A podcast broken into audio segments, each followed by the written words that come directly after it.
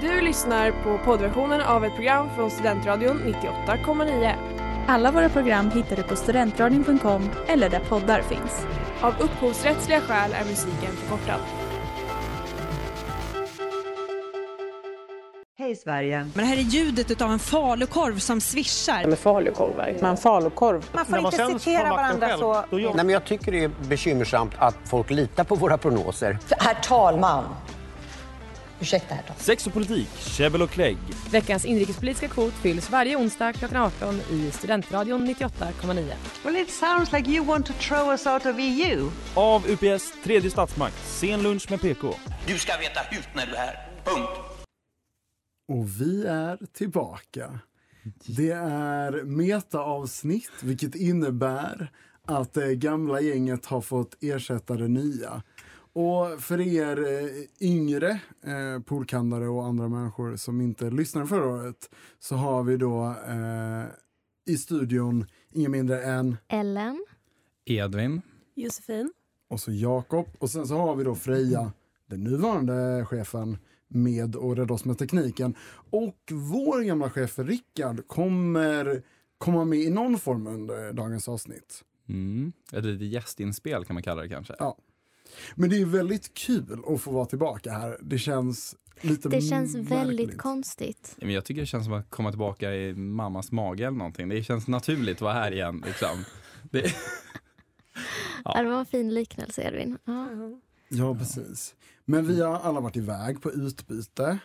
Ehm, men det är, hur mycket har ni följt svensk inrikespolitik? Alltså jag skäms hur lite jag har haft koll på ja, men svenska nyheter, svensk politik och inte kanadensisk politik heller. Jag har liksom inte rört mig på någon nyhetskälla överhuvudtaget när jag varit iväg. Jag tror att vi, det här är bland de mest eh, eh, obildade avsnitten på sätt och vis. Jag tror att våra jag, jag kan ju inget om någonting som ska diskuteras idag tror jag. Nej. Egentligen. Jag har typ läst DN-notiserna. Det är där Ja. jag ligger. Ja, men nice. Det är både perfekt. Jag har ju faktiskt lyssnat igenom en hel del av våra gamla avsnitt eh, för ett segment senare här och ja, jag vill inte påstå att det var jättehög nivå någonsin på Nej, någon av skönt. oss. Det är, det är väldigt kul med det nya gänget som har levelat upp lite. Det är... eh, Jag tycker ändå att vi, det är liksom vi som har skapat det där. Mm. Vi gav inspirationen till det där. Vi byggde grunden. Vi byggde grunden. Vi, vi får ta lite cred för Ja, det. ja, men det absolut. Och det har, men det är ett nytt Uppsala vi kommer tillbaka till. Det är ett nytt UPS. Det Mm. är ehm, omtänkt miljöpolicy. Mm. Det, är, det har varit mycket. Man det, har fått höra mycket skvaller. Running Group gör succé. Hur Ja. känns det Edvin, för Ja. detta Running Group-ledare? Ja, men det här vill jag verkligen ta upp. För min, min running group eh, var ju ett, det är klart ett misslyckande någonstans. Det var ju jag, eh, en annan i bästa fall ungefär. Eh, och nu har jag fått höra då att det, det, det är en framgångsrikt koncept nu. Vilket leder ju till att det, det, det är ju jag som är felet. Så jag börjar tvivla på min roll att ens stå i den här studion nu. Det, jag kan ju uppenbarligen inte underhålla några jäklar som springer i 30 minuter tillräckligt för att ha det igång. Men nej, det, självklart ska det liksom, det har blivit framgångs nu. Men jag tänker vi ska bara visa det nya gänget hur duktiga de är genom att komma in och göra en helt mediokert avsnitt som ni ska få njuta av ikväll. Nu ska jag prata om ett ämne jag har sett väldigt mycket fram emot och det har varit väldigt mycket tvekande. Men eh, det var nämligen så att förra året så killgissade jag att kultur skulle få spela en större plats i den politiska debatten och den 21 december fick jag en tidig julklapp när regeringen presenterade att det ska bli en svensk kulturkanon. Eh, detta har varit på, debatterats i rätt många år och då är under namnet både kulturkanon och litteraturkanon. Eh, detta kommer på kultursidorna efter alla artiklar om vem Kristoffer Garplind ligger med. Ehm, men för ni som, är- om man, har ni koll på kulturkanon? Nej, vad är kulturkanon för någonting? Okej, Kanon är när man en gäng kanoniserade verk eller någonting, upplyfta grejer. Och det kan komma från överallt. Eh, det kan vara vilka låtar har varit de mest viktiga på 1900-talet. Det, man ser ofta kanske kanons över de viktigaste albumen på 1900-talet. Eh, Men en svensk kulturkanon skulle då vara viktiga verk i ett svenskt perspektiv. Och detta är ju väldigt eh, lätt väldigt politiskt, alltså vad man ska inkludera. Och nu är det ju då, och då är det, ska det här vara något alla i skolan måste lära sig? Det finns inga sådana direktiv ännu. Får jag ställa en fråga? Ja. Eh, är meningen att de i skolan ska läsa, alltså, ska läsa alla böckerna? Nej, det finns inget sånt Men mål. de ska lära sig att känna till alla böcker? Nej, det finns, Det finns inget mål? Nej, det här är också en sån grej som är att det här är en väldigt stor del av debatten. Man bara, det är jättebra att man tvingar barnen. Det finns inget i de nuvarande direktiven om att det här ska vara en del av utbildning. Utan, och det är Danmark där man har gjort en sån här kulturkanon. Då är det bara ett gäng samlade verk som alla har del av.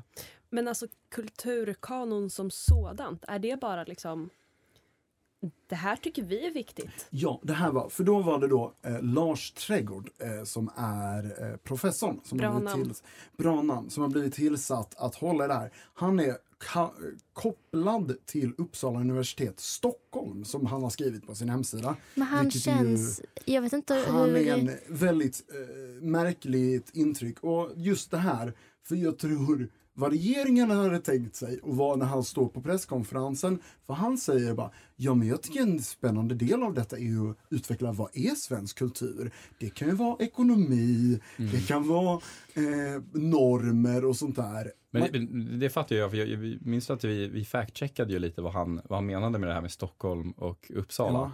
Eh, För att han är ju professor vid Ersta Sköndal högskola i Stockholm. Och här är utbildningarna de utbildar inom. Sjuksköterska, teolog och eh, kyrkomusiker. Och då är han professor inom kultur kopplat till det här på något sätt. Ja, Det är vad som står på ja, det är en Wikipedia. kyrklig stiftelse, och den, eh, eller kristen. eh, Men, och det har ju, det här visar väl kanske lite på riktningen regeringen hoppas att det här ska gå. Likaså ska man säga så här, Svenska Akademin har väldigt markerat att de är inte intresserade av att hjälpa till med sådana här projekt. I och med att de är så politiska. Och där har, det är ju en av de stora problemen med det här, är att det väldigt lätt kan bli, oj, det är väldigt mycket religiösa skrifter, det finns väldigt mycket arbetarklassförfattare. Och så här, hur ska man göra detta? Men vad är liksom projektet i sig? Är det då att sammanställa de viktigaste svenska Ja. kulturverken? Men det ska man säga, han ska ju faktiskt inte göra allt själv utan han ska tillsätta nu expertgrupper som ska då inom obestämda områden ta fram kanons för obestämda Alltså, så vi vet inte egentligen så mycket om det. Eh, mer, mer än att det här, det man kan säga är att det här är ett väldigt effektivt identitetsprojekt för en väldigt billig peng. Men eh, Jakob, vad, vad tycker du om kulturkanon då? Ja, alltså jag tycker det, det är väldigt kul i den här väldigt odefinierade. Eh, det är ju ett lite märkligt projekt att skapa en lista. Jag tycker om man har just det syftet att okej, men det här kanske alla svenska barn borde ha läst. Gösta Berlings saga, något av Strindberg, Astrid Lindgren. Det där kan jag verkligen förstå. Men då hade det kanske egentligen borde vara Skolverket man ska ge ett direktiv Mm. till om att, vi, att det ska finnas vissa verk, vissa musik som ska höras på musiklektionerna. Och det här lite odefinierade eh, projektet känner jag är väl kanske lite, så här, jag vet inte vad det ska Mm. användas till. Nej, Men också att ett så o, alltså oidentifierat och odefinierat projekt blir så hett. Ja. Att ingen Ja. vill ta på sig det. Men jag kan ändå känna, att jag, jag kan nästan, jag träffade typ eh, britter på utbytet, kunde jag vara lite avundsjuk på. att De, de, jag menar, de alla läste Shakespeare, de läste så här, Iliaden och Odysseen och sånt. Och jag tycker jag märkte det någon gång när de liksom hänvisade till sådana saker. Ja, men ni vet som i till exempel det här, för de antog ju att det var någonting som som vi hade läst, eller jag tror att det var till och med en amerikan och en britt, att de hade typ en knytpunkt som bara var så här, ja men det är ett stort verk och så här att, att bara de båda kunde, men de visste om det, de kände till vad den handlar om sånt. Ja men jag är ju på helt andra sidan, jag kan ingenting om, om sån här litteratur. Och det, det kan jag tycka är lite synd. Jag, jag vet inte vad de stora kända Shakespeare-verken egentligen handlar om till exempel. Det- Om man tar, eh, nu är det, det i och för sig brittisk kultur, men Ja, oavsett det svenska det. för den delen Men också. där är det ju amerikanerna lär sig, de lär sig ju liksom lite mer en västerländsk kanon och läser ju typ Iliaden som är ju gammal grekisk och ehm, Shakespeare från Storbritannien. Så det gör ju ändå att det kanske egentligen det som är relevant i Sverige är att prata om en västerländsk klassisk kanon i skolan. Men nu ska vi byta ämne. Vi går snabbt över till Jossans quiz. Ja, Och för de lyssnare som inte lyssnade förra året så var det här ju ett återkommande segment och får jag säga det själv så var det väldigt uppskattat. Eh, och apropå utbyte så har ju alla vi varit på utbyte och kanske några av de som lyssnar ska söka utbyte eller någonting. Då kan man bli lite inspirerad. Eh, och veckans quiz handlar ju då om Kanada som Ellen var i, Frankrike som Edvin och Jakob var i och Sydkorea som jag var i. oj. Spännande. Då får vi se om ni har lärt er någonting på ert cultural exchange. Åh nej. Eh, och vi börjar i Kanada. Åh, Jag nej. tänker alla får gissa. Mm. Eh, vilket djur är symbolen för Kanada? Och då Vilket- har vi, eh, vill ni ha alternativ? Ja, gärna. Björn, älg, varg eller bäver? Alltså det var mycket, mycket bävrar och mycket björnar. Mm. Ja, Mm. jag skulle säga bäver. Jag tar också bäver Ja. faktiskt. Det är the beaver. Mm. Mm. Eh, vet vi varför? Har du någon Det jag har ingen aning. Nej. Jo men är inte, vad heter det, den em, klassiska, em, eh, vad heter det, de flesta, första personerna som kom till Kanada var ju bäverjägare. Om det finns någon sån koppling. Alltså jag vet ju att det finns mycket så här bäver, alltså pälshandel och sånt. Mm. Ja, men spännande. Eh, vi går vidare till Frankrike. Ja, du visste inte svaret på den Nej. frågan? Nej, okej. ja, men bra. Jag har ingen aning. Okej, Frankrike. Drack ni mycket vin? Frågar jag nu. Ja, Eh, men inte ens ja. jag kan svara på frågor. Ja. Men eh, ja, jag håller med. Hur mycket vin konsumerar en fransman i snitt varje år? Åh herregud. Och då vill ni ha alternativ Ja, eller kan jo, ni på rak arm? Eh, 25 liter, 40 liter, 80 liter eller 100 liter? Eh, Okej, snabbt här. 80 liter. Ja, 80 liter gissar jag också. Jag lägger mig på 40 då. Ja, och det var då 40.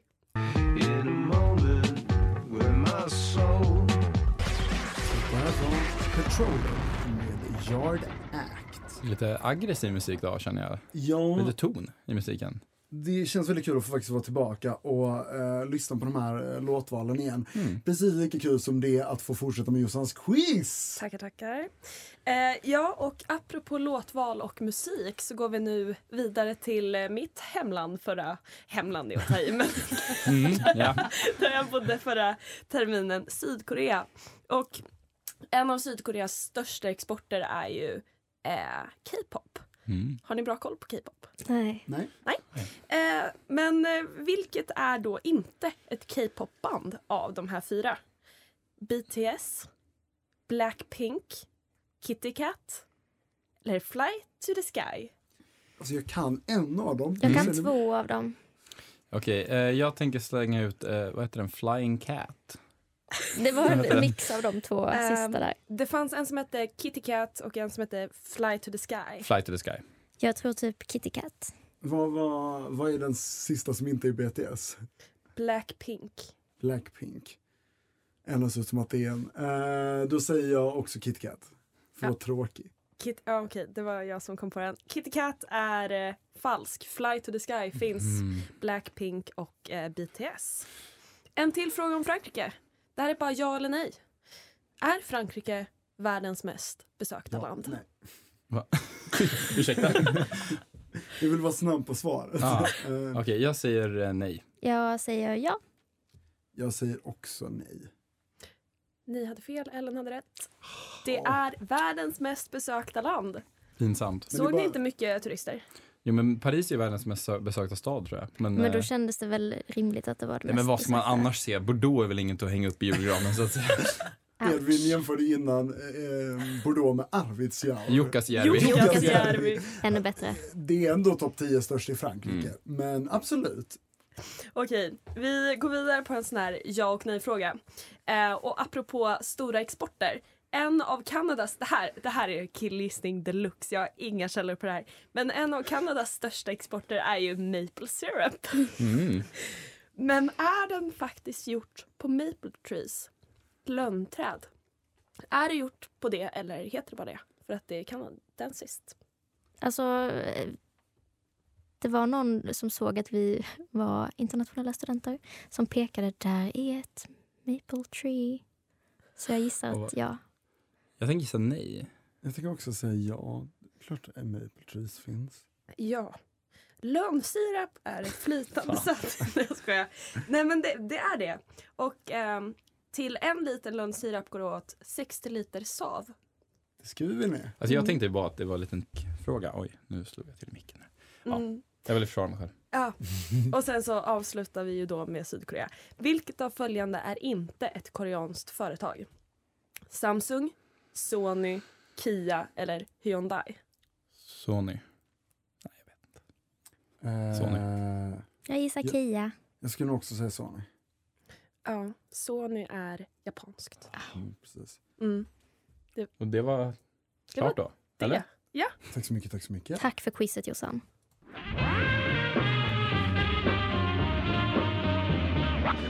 Och nu välkomnar vi på länk till studion Rickard Wahlström. Välkommen. Hej. Vår korrespondent från Grekland har anslutit. Ja. Verkligen. Hur känns det att vara i studion? Verkligen som en eh, korrespondent. För det, det är lite tidsfördröjning. Jag ser ingenting. Jag har inte varit med på planeringen. Så att, eh, det ska bli superspännande. Verkligen. Vi hoppas, vi hoppas att alla lyssnare också hör nu, Rickard. Det är lite osäkert eh, på hur vi har löst det Det tekniska. här tror jag alla säger galant. Men eh, då, då undrar vi helt enkelt att eh, det är många poolkandare som ger, ger sig in i utrikesdiplomatin och alltihopa. Och vi har ju dig som gör praktik på Sveriges ambassad eh, i Aten. Och eh, därför undrar vi helt enkelt, hur, hur, hur tycker du det är? Hur är det att jobba på ambassad? Tycker vi att eh, utrikespolitiken är så stel som man tänker? Bara middagar och representation. Hur tycker du det är? Eh, ja, men bra fråga, Ebbe. Skönt att du ställer de skarpa frågorna från start. Jag har inte varit här så jättelänge i och för sig, men, eh, men det är ju väldigt kul. Jag, jag kan väl verkligen rekommendera det till alla som är sugna på utlandsmyndighet. Eh, För det är verkligen politics in practice. Mm. Och att eh, få, verkligen få vara en del av det. Sen är det ju mycket representation och Sverigefrämjande tillsammans med politisk rapportering och konsulär verksamhet. Men, men jag nog säga på de knappa veckorna som jag har varit här så har jag nog lärt mig mer än på hela, eh, hela polkamp, typ. Eh, så Ja, att, eh, det, är imponer- det är imponerande. Men Rickard, vad, eh, vad är det det? finns olika typer av kunskaper i och för sig, men, men ändå en helt annan upplevelse. Men Rickard, vad är det du gör för, eh, vad har du för arbetsuppgifter? Vad är det man gör på, på ambassaden? Ja, men det är ju det är ju de här tre delarna då, med politisk rapportering, Sverigefrämjande och eh, konsulär verksamhet. Och, och jag jobbar med den, den politiska rapporteringen. Det är ambassadören, andre mannen och jag som jobbar med det från, från Grekland till UD. Mycket är ju skriva rapporter, läsa mycket rapporter. Läser oerhört mycket om eh, olika politikområden i, i den här regionen men också mycket kopplat till EU. Så det är ju väldigt, väldigt intressant Mm. på, på den delen. Och sen det Sverigefrämjande fokuserar ju mycket på, på handel och hur stärka de bilaterala relationerna mellan Sverige och Grekland och också öka förutsättningarna för, för svenska företag att etablera sig i Grekland. Men för det, så det är ändå någonting jag undrar på, på praktikplatser, att just hur mycket man får göra som ändå känns som att du, känner du att du ändå bidrar då till ambassadens arbete, låter det ju som. Det är inte så att du bara, de ger dig bara uppgifter för att hålla igång dig. Du, du har ändå fått arbetsuppgifter som de behöver få gjort. Ja, precis. Det låter ju eh, oskönt att säga för egen del. Men, men det var därför jag hade innan också, att UD verkligen använder sig av sina praktikanter och att Mm. man får verkligen lära sig medan man gör vettiga saker. Och, och så tycker jag att det. Man kastas in i det från start. Så har jag upplevt det i alla fall. Så att, eh, det har varit eh, skitkul och är väldigt spännande och, och väldigt mycket som händer. Men det är väldigt dynamiskt också för det är, det är ju svårt att planera långsiktigt. För det beror ju helt på vad som händer med andra länder eh, och, liksom hur... Ja, men nu tittar vi mycket på energifrågorna här för det är, Sverige intresserad av med, med den debatt som vi har i Sverige. I Grekland har man inga eh, kärnkraftverk till exempel med anledning av mest förekommande jordbävningar som vi fick uppleva på ambassaden förra veckan till exempel. Eh, så att den typen av frågor vill UD då veta vad som händer här. Och då, när vi pratar om det senast idag så påverkas det av situationen vid, vid Röda havet. Mm. är det en del eh, fraktfartyg med flytande naturgas som inte har kunnat leverera till Grekland och det påverkar ju energipriset och. Så att det, så det är väldigt aktuella frågor som hela tiden är dynamiska. Så att, eh, ja, nu känns det som att jag är lite, Ja. lite politikersvar kanske, men, men det är väldigt spännande i alla fall. Men det är ju perfekt med, med, med yrket som du håller på att ge dig in i, höll jag på att säga. Men eh, sista snabbfrågan innan vi avslutar då. Att, tycker du att du föredrar, saknar du studentlivet eller gillar du arbetslivet med kontorstider mest? Vilken föredrar du? Ja, men du vet Edvin, jag gillar ju att jobba, göra någonting Ja. vettigt, inte lalla runt som er och hålla på och tro att ni, tro att ni gör någonting vettigt. Men med det sagt, nu, nu kan jag tänka mig att jag står och viftar med ett finger i luften att är ute. Men då vill jag säga att ni som funderar på att göra praktik på en utlandsmyndighet, gör det. Det är skitkul. Hör av er om ni har frågor. Kom till Grekland. Gör som 850 000 svenskar årligen. Kom till Grekland. Eh, det är skitkul. Ja. Och heja er i studion. Vad kul att få vara med på ett hörn. Ja, tack. Med det sagt så lämnar jag med trygg hand över er resten av sändningen. Och lycka till Freja och gänget också. Hej Tack, då! tack så mycket Rickard.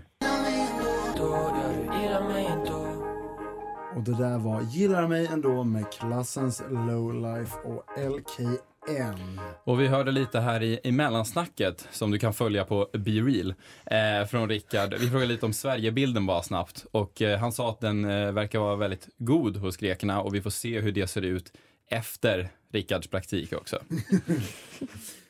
Så- Bra, lägg in en liten Det var känga. bra informerande av att hans väldigt fina analys om så här, hur påverkar från 70-talets arbetskraftsinvandring från Grekland till Sverige, hur det har format och det har nu blivit ett omskakat med koranbränningarna. Mm. Men jag, jag håller med, vi får bevaka Grekland framöver. Och något som har bevakats idag speciellt är ju min gamla hemstad Lund där ingen mindre än Macron har besökt. Precis. Eh, igår så anlände ju då Macron till Sverige. Och Han har ju ett fullspäckat schema. Han ska hit och dit och träffa alla möjliga människor. Och Det har ju då varit eh, kungaparet, studenter i Lund och såklart Ulf Kristersson. Eh, har ni förresten sett den här videon som Ulf Kristersson la ut för att Mm. välkomna Macron? Alltså jag har inte klarat av att se hela. Nej, men han tar ju upp viktiga, viktiga svenska kulturvärden. Att köa, att ha på sig varma kläder, Ett kulturkanon hade man att kunnat säga. fika. Ja, väldigt viktigt. Ehm, Jag tycker ju lite synd om hur mycket skit han har fått för detta klippet. För jag tycker det är så här, nu gör han ett lite småroligt inslag och det sparkas ner. ja, men det sparkas ner så lätt. Men det kändes ju också som att han pratade med ett litet barn. Typ. Mm. Så jag, jag tyckte ändå det var ganska välkomnat. Ja. Ja. Ehm, men eh, idag, jag, tror, jag vet inte om det pågår fortfarande, studentafton i Lund har ju fått Macron som gäst då, då eh, i ett samtal om ett uthålligt EU. Mm. Vad det betyder, ingen aning. Eh, det får väl de som är på det här samtalet se. Ehm, men det verkar ändå vara lite ståhej i Lund för att det här eh, besöket har inte tagits emot jättebra av alla studenter. Eh, och eh, de har, det ska vara en, ja, men protest utanför. Eh, de sökte för universitetshuset men fick inte det godkänt av säkerhetsskäl.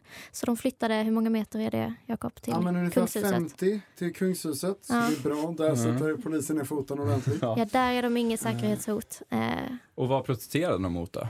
nej, men de menar att, eh, eh, att Macron, det här är då vad Revolution Malmö, som är en av dem som har varit väldigt drivande i den här lilla demonstrationen, då då, eh, skriver Macron är en imperialist och kapitalist som bland annat aktivt förbjudit Palestina-demonstrationer i Frankrike. Eh, och då menar de att Lunds universitet tar in honom som gäst utan att kritisera på något sätt, Mm. helt enkelt. Jag tycker- jag vet, Alltså, Lunds universitet i- bestämmer ju inte egentligen så mycket över studentafton.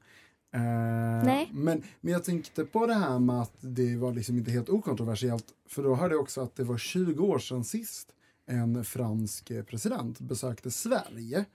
Och det känns ändå lite chockerande. Det är att länge. Det är Mm. länge för att ändå två alltså EU-länder så nära varandra. Det känns ändå som att det borde ske Ja men så här att det är klart. Oftare. Ja. Nu vore det ju intressant om vi hade tittat på typ så här andra länder, hur ofta de har besökt Sverige. är- Det är information vi inte har. Så att, eh, Nej. men jag tycker det känns, ju, det känns ju alldeles för länge, framförallt för att jag tycker ändå det känns som Sverige och Frankrike ändå är förhållandevis nära. Men man märkte det nu med att de försöker fördjupa arbetet. Att det kanske är en förändring i de svensk, svensk-franska relationerna. Something med simmat.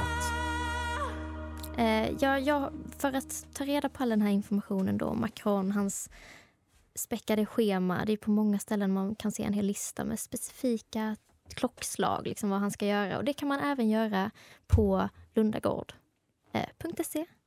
Eh, som jag varit inne på. Och jag tycker det har varit lite roliga uppdateringar. Och det är verkligen så här 12.49 Road Traffic in Lund. Inte påverkat. Jag tycker det är en lite rolig uppdatering. Det- Busstrafik inte påverkat. Var, varför Det, har... man skulle säga att detta är ju Lunds, eh, Lunds universitets studenttidning, motsvarande Ergo här. Mm. Vilket känns lite ovan, oväntat att de ska kommentera just trafiksituationen. Nej men det är ju Skånetrafiken som har gått ut med detta så Ah. de liksom Ja, ja, ja. ja. Ja, men ger det- vidare information till alla som vill veta. Man undrar ju om det blev påverkat under dagen. Kanske Eller det det var- kanske det man var inte fler undrar. uppdateringar Nej, men det, var, det var fler uppdateringar. Det, folk verkade väldigt eh, taggade och glada över att han skulle komma och hälsa på Lilla Lund. Mm. Eh, de skrev om någon som ägde en butik då som hade satt ut franska flaggan och var så taggad på att han skulle få gå det, förbi. alltså, det här känns ju också lite sjukt. Jag bara, är, är alla i Lund så här, mitt Lund var inte de här frankofonerna. Nej, men det, det, nu har vi ju sett båda sidorna Ja. Jakob. Det har ju varit Ja, just just demonstranterna sant. och de som älskar. Jag för det blir ju mer polariserat. för några år sedan och då var det inte alls samma uppståndelse. Då fanns det ingen Nej. övervakning på honom. Fick han äta Mm. pyttipanna? Tror jag. För det, det ska ju studentafton då bjuda Macron på ikväll. Traditionsenligt. Det är pyttipanna, ägg och bea. Jag har aldrig ätit bea Nej, till jag tycker det låter jättekonstigt med bea till. Men Ska man också inte ha, vad heter, nu höll jag på att säga spenat. Senap. Oj, nej. Nej. Ja, Det, okej. var, det var nog en Jag skulle säga rödbeta och ketchup. Ja, jag tänkte eh, också det. Men- Det känns mer. Ja. Eh, nej, men så den eh, delikatessen kommer han bjudas på eh, Jag är ikväll. Jag är avundsjuk på det. Ja. Mm. Men för att ändå föra tillbaka till eh, svensk politik då, tycker jag ju att det, det känns ju verkligen som att den här stunden är väl Ulf Kristerssons Alltså det, det han ser fram emot hela året. Att få bara- hosta ja, men hosta. Macron. Jag tror att han, han, han ändå är någon som verkligen vill vara på den stora scenen och framförallt då visa så här, kolla det här liksom och kolla vad jag har här, typ så här. Att han ändå har karisman på det sättet jämfört då med kanske Stefan Löfven. Tänker Ja, jag kanske har- inte slår, är lika extravagant kanske Nu fick. Stefan Löfven aldrig chansen att välkomna Macron. Nej, verkligen. I och för sig, vad vet jag. Men Han har jag kanske tagit honom med. med storm. Ja. Mm. Ja, det känns som, ja men Ulf Kristersson gillar ju att peka med hela armen och visa Macron runt hemma hos sig. Det känns, Ja. det, det känns lite skönt för honom. Jag tror att Ulf Kristersson är en sån person som han fixar. Han fixar Ja. och donar och ser till att det här blir en jävligt bra fest. Ja, men han liksom. rättar till bordsduken. Ja, liksom. han rättar till bordsduken. Han, duk, eller han eh, bäddar fint i gästrummet. Det är, han är en mycket bra pengar host. på fest gör han också. Ja. Det är, Jag tänker också det här med att han skickas, eller så här, varit utomlands hela tiden och behövt prata med Erdogan. Väldigt jobbiga möten. Nu får han äntligen vara på hemmaplan, välkomna topparna. Det måste ändå kännas lite nice, Ja. tänker jag. visar hur bra Sverige Ja, är. men jag tänker, det går ju bättre. Ehm, det kommer ju komma till lite segment senare, men vi spekulerade väldigt mycket om NATO-inträde för Sverige och, och det verkar gå vägen. Det känns, har opinionsmätningarna, det går bättre för Tidöpartierna. Har det vänt? Är det Party-Uffe som vänder i opinionen?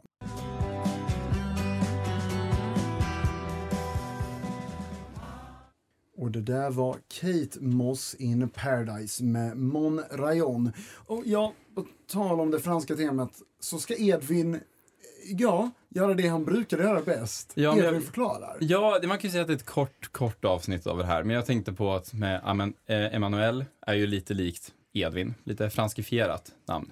Och då fick jag reda på genom när jag studerade i Frankrike att eh, på franska regeringens hemsida finns det en sida som är om man kan franskifiera sitt, eh, sitt namn när man blir medborgare eh, i Frankrike. Och det som är riktigt sjukt i det här egentligen är att eh, när du blir medborgare så ger de dig egentligen en lista då på namn för att du kanske vill, du vill komma in i samhället och du kanske vill då ta bort ditt namn föreslår de. Eh, så jag tog fram det här, det här är faktiskt på riktigt eh, officiella förslag då som ligger på hemsidan och jag har fått höra också att det finns en my- mycket längre lista som inte jag har hittat. Men här kommer några förslag. Ehm, de säger att ifall du heter Mohammed så kanske du vill byta till Maurice. Ehm, ifall du heter Ahmed så är Alain ett bra Det namn. bli ett tema på de här namnen. Verkligen, men där, exakt, och där, och där har de tänkt till. Så, till exempel säger de, kommer du från England? Om du heter John Smith, då tycker de Jean-Pierre, kanske passande namn för att passa in. Ehm, och sen eh, har vi Fayad, skulle bli eh, François. Ehm, och jag tycker att det är, det, det är bland det sjukaste grejerna jag läst på en regeringshemsida tror jag. Jag tycker, men där kommer ju verkligen fransk nationalism till sitt epicenter. Att det är helt Ja. rimligt att alla byter sina namn till franska. För man kan ju inte ha ett namn som inte är franskt. I. Frankrike, absolut. Tänk om det kom en britt hit och så, som hette Steve och vi bara, ja du kanske vill svenskifiera dig lite grann till Sten. Alltså det hade varit helt sjukt. Och på tal om galna tankar så ska vi avsluta det här avsnittet med att gå back memory lane och kolla på alla de här killgissningarna vi kastade ut förra året. Vi hade det som slutsegment där man fick säga en killgissning. Och jag har lyssnat igenom alla dem. Och hade först tänkt göra ett långt system med att vilka som har bekräftats, vilka som har falsifierats. Sen fanns det icke falsifierbart som ej bekräftats och icke bekräftbart som ej falsifierats. Oj. Um, Herregud. jag kan säga, det var det var dels väldigt svårt för väldigt mycket framtidsgrejer som kan vara väldigt svåra att gissa. Eh, Likaså, det var otroligt dåliga gissningar. Jag, min, jag, jag minns inte det som så här verkligen. Ja, men det är Edvin som eh, skäggens framgång i regeringen. Ja, just det. Ehm, ja, eh, till Greta Thunberg 2023 gick inte heller jättebra. Också att Greta Thunberg skulle bo med träskmänniskor. Ja, det är ju... Ja, det, det, är, det är lågt, det är lågt och det är, det är väldigt kaosigt. Jag måste ge eloge till Rickard som jag tycker ändå har de spetsigaste. Han har i princip enbart fel, men han har gjort väldigt nischade gissningar på politiker som ska få olika roller. Till exempel att Mette Fredriksen ska ta över som nya NATO-chef. Det vet vi faktiskt inte. Stoltenberg har inte lämnat. Nej. Ehm, men jag är lite kritisk och i princip alla hans regeringsgissningar gick också i stöpet. Vi kan sluta, jag ligger väldigt bra till. Jag har rätt bra NATO-spekulering och kulturfrågan har jag ju 100% haft rätt i. Ehm, och just på tema NATO har vi gissat väldigt mycket. Det var mycket NATO speciellt. Mm. Alltså, Ja. hela... Du tog ju en hård ställning där. Ja, ja jag, jag minns Vad det. ställde Vad du var det? dig? Jag sa att Sverige aldrig skulle gå med i NATO. Ja precis, Oh. och den började vända där. Men det, Men den såg fortfarande, bra ut. Eller så fortfarande. här. Ja, Det är inte helt fel än. Rickard sa ju att det stundande NATO-medlemskapet kommer vi att ha mycket att tacka för i de internationella konflikter framöver. Det var ett väldigt fint tal jag fick lyssna på här. Eh, men det var, det var kaosigt, det var roligt. Men det var, det var väldigt mysigt att lyssna på det. Är det något vi har rätt, haft rätt i då? Eh, jo, jo, Annie Lööf släppte inte hon en bok? Jo. Jo, visst gjorde hon det och det gissade du. Jajamensan. Alltså jag tror det. Jo, att jag måste säga att jag sa att Greta Thunberg gick rogue. Ja, det får man ändå Måste säga. ändå få- Ja, den ger vi dig. Jag tror dock det var lite efter hon hade fått eh, blivit gripen. Men, men. Och det där var Oh My God med Suki Waterhouse. Och nu har vi kommit till slutet. Jag måste bara få kasta ut den bästa killgissningen av Jossan. Att modern hästpolitik kommer bli valfrågan 2026. Och jag står fast vid det. Ja, det är bra. Det är väldigt bra. Det var väldigt kul att få tillbaka här med er. Det känns väldigt bra. Ja, men Ja. verkligen. Men det känns också att vi fick ta ett steg in i relevans igen. För nu när vi kommit Mm. tillbaka så har vi varit fullkomligt eh, irrelevanta. Jag har inte haft en running group. Jag har inte varit en central del av UPS som jag en gång var. Ehm, och att vi ändå får ta Vi är ju- rampljuset ännu en gång. Får man påstå att vi är de enda relevanta metan Mm. Det tycker jag detta stämmer. året? Ja. Vilka andra har gjort någonting? Det är skönt att vi inte har någon annan att säga vilken jävla ton på det. Men jag gillar det, jag gillar det 100%. Men på tal om någon som faktiskt har behållit sin relevans så har vi haft Freja med oss som har hjälpt oss i tekniken hela detta avsnittet. Och hon ska få dra deras nya format av Summa Summarum. Ja, hej publiken. Eh, kul att få prata lite. Eh, nej men Rickard, eh, vår förra chef då, då, som var med Mm. förut, han efter, eh, eh, vad heter det? efterfrågade lite ton, tonalitet också som eh, ni hade väldigt Just mycket det. förra året. Och jag ska väl stå för den, summa summarum, ni som lyssnar, ni känner till den. Jag ska då gå igenom alla er här i studion. Och jag vill berätta att Ellen, hon går i graven för Lunda studentkulturen. Fy Mm. skäms. Jossan konspirerar om Kanadas nationalskatt. Fy skäms. Edvin, han drömmer tillbaka till mammas mage. Ew. Och Jakob, han är bara en kulturöversittarfitta som vanligt. Tack och hej! Vilken jävla ton. Du har lyssnat på poddversionen av ett program från Studentradion 98,9. Alla våra program hittar du på studentradion.com eller där poddar finns. Och kom ihåg, att lyssna fritt är stort, att lyssna rätt är större.